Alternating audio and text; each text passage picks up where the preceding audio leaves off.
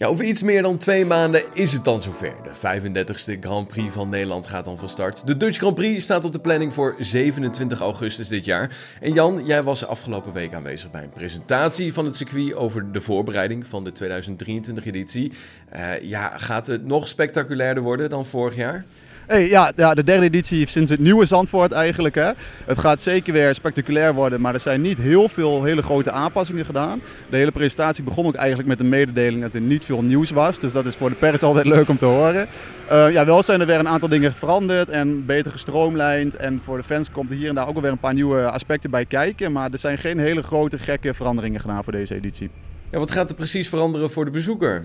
Ja, de organisatie heeft met verschillende instanties gesproken om het beleid rondom de veiligheid, zijn dus ook de rookbommen, maar ook die meldingen van uh, ongewenst gedrag van afgelopen jaar, om daar een beter een aangescherpte beleid over te maken. Dat ligt klaar en dat wordt in aanloop na de race, na het raceweekend, wordt dat gecommuniceerd met alle betrokken partijen. Dus de fans, maar ook de teams, de teamleden en ook de patatboeren hier op het circuit.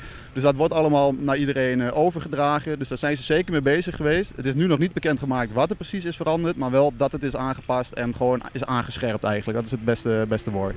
Ja, vorig jaar zat ik ook tussen het publiek en kon ik bijna niks zien door alle rookbommen. Eh, kijk, ik hou wel van een feestje, maar soms kwamen die dingen zelfs op het circuit terecht. Gaan ze iets doen om dat te voorkomen, dat die rookbommen op het circuit terechtkomen?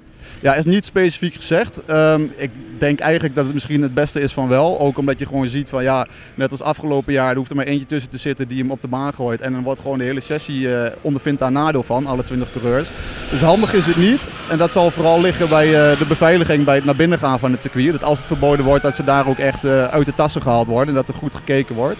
Dus als dat zo zal zijn, dan zal dat daar, uh, daar aangescherpt moeten worden. Ja, 2022 werd de DRS-zone aangepast. Uh, die begon gelijk naar bocht 13. Gaat er dit jaar nog iets veranderen op het circuit?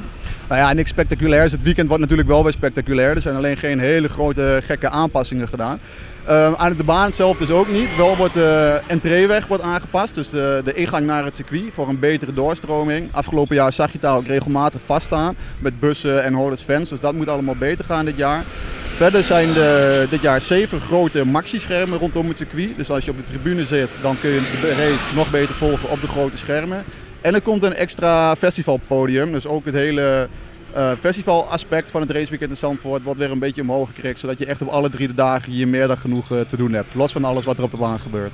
Ja, daarnaast was er nog van alles gaande omtrent vermakelijkheidsbelasting. Het gaat misschien zo zijn dat ze per bezoeker boven de 10.000 dan 3 euro moeten betalen. Wat kan oplopen tot 8 à 9 ton. Uh, is daar al iets meer over te vertellen? Ja, dat gaat erom uh, inderdaad om de vermakelijkheidsbelasting. Alleen het woord al inderdaad. Het is zo dat de gemeente Zandvoort wil dat na de eerste 10.000 bezoekers er 3 euro per bezoeker per dag wordt betaald. Dus per bezoeker met een weekendticket is dat bijvoorbeeld 9 euro. Als je dat keer de 105, 115 verwachte sorry, de 115.000 verwachte bezoekers per dag doet, dan kom je dus zo snel uit op 900.000 euro dat het circuit over zou moeten maken aan de gemeente. Nou, daar zijn ze hier natuurlijk niet, uh, niet over te spreken. De gemeente zegt op hun beurt, ja, wij zijn per jaar ongeveer 6 ton kwijt aan uh, ja, alle kosten, uitgaven rondom het evenement. Dus dat moet ook ergens weer een beetje terugkomen.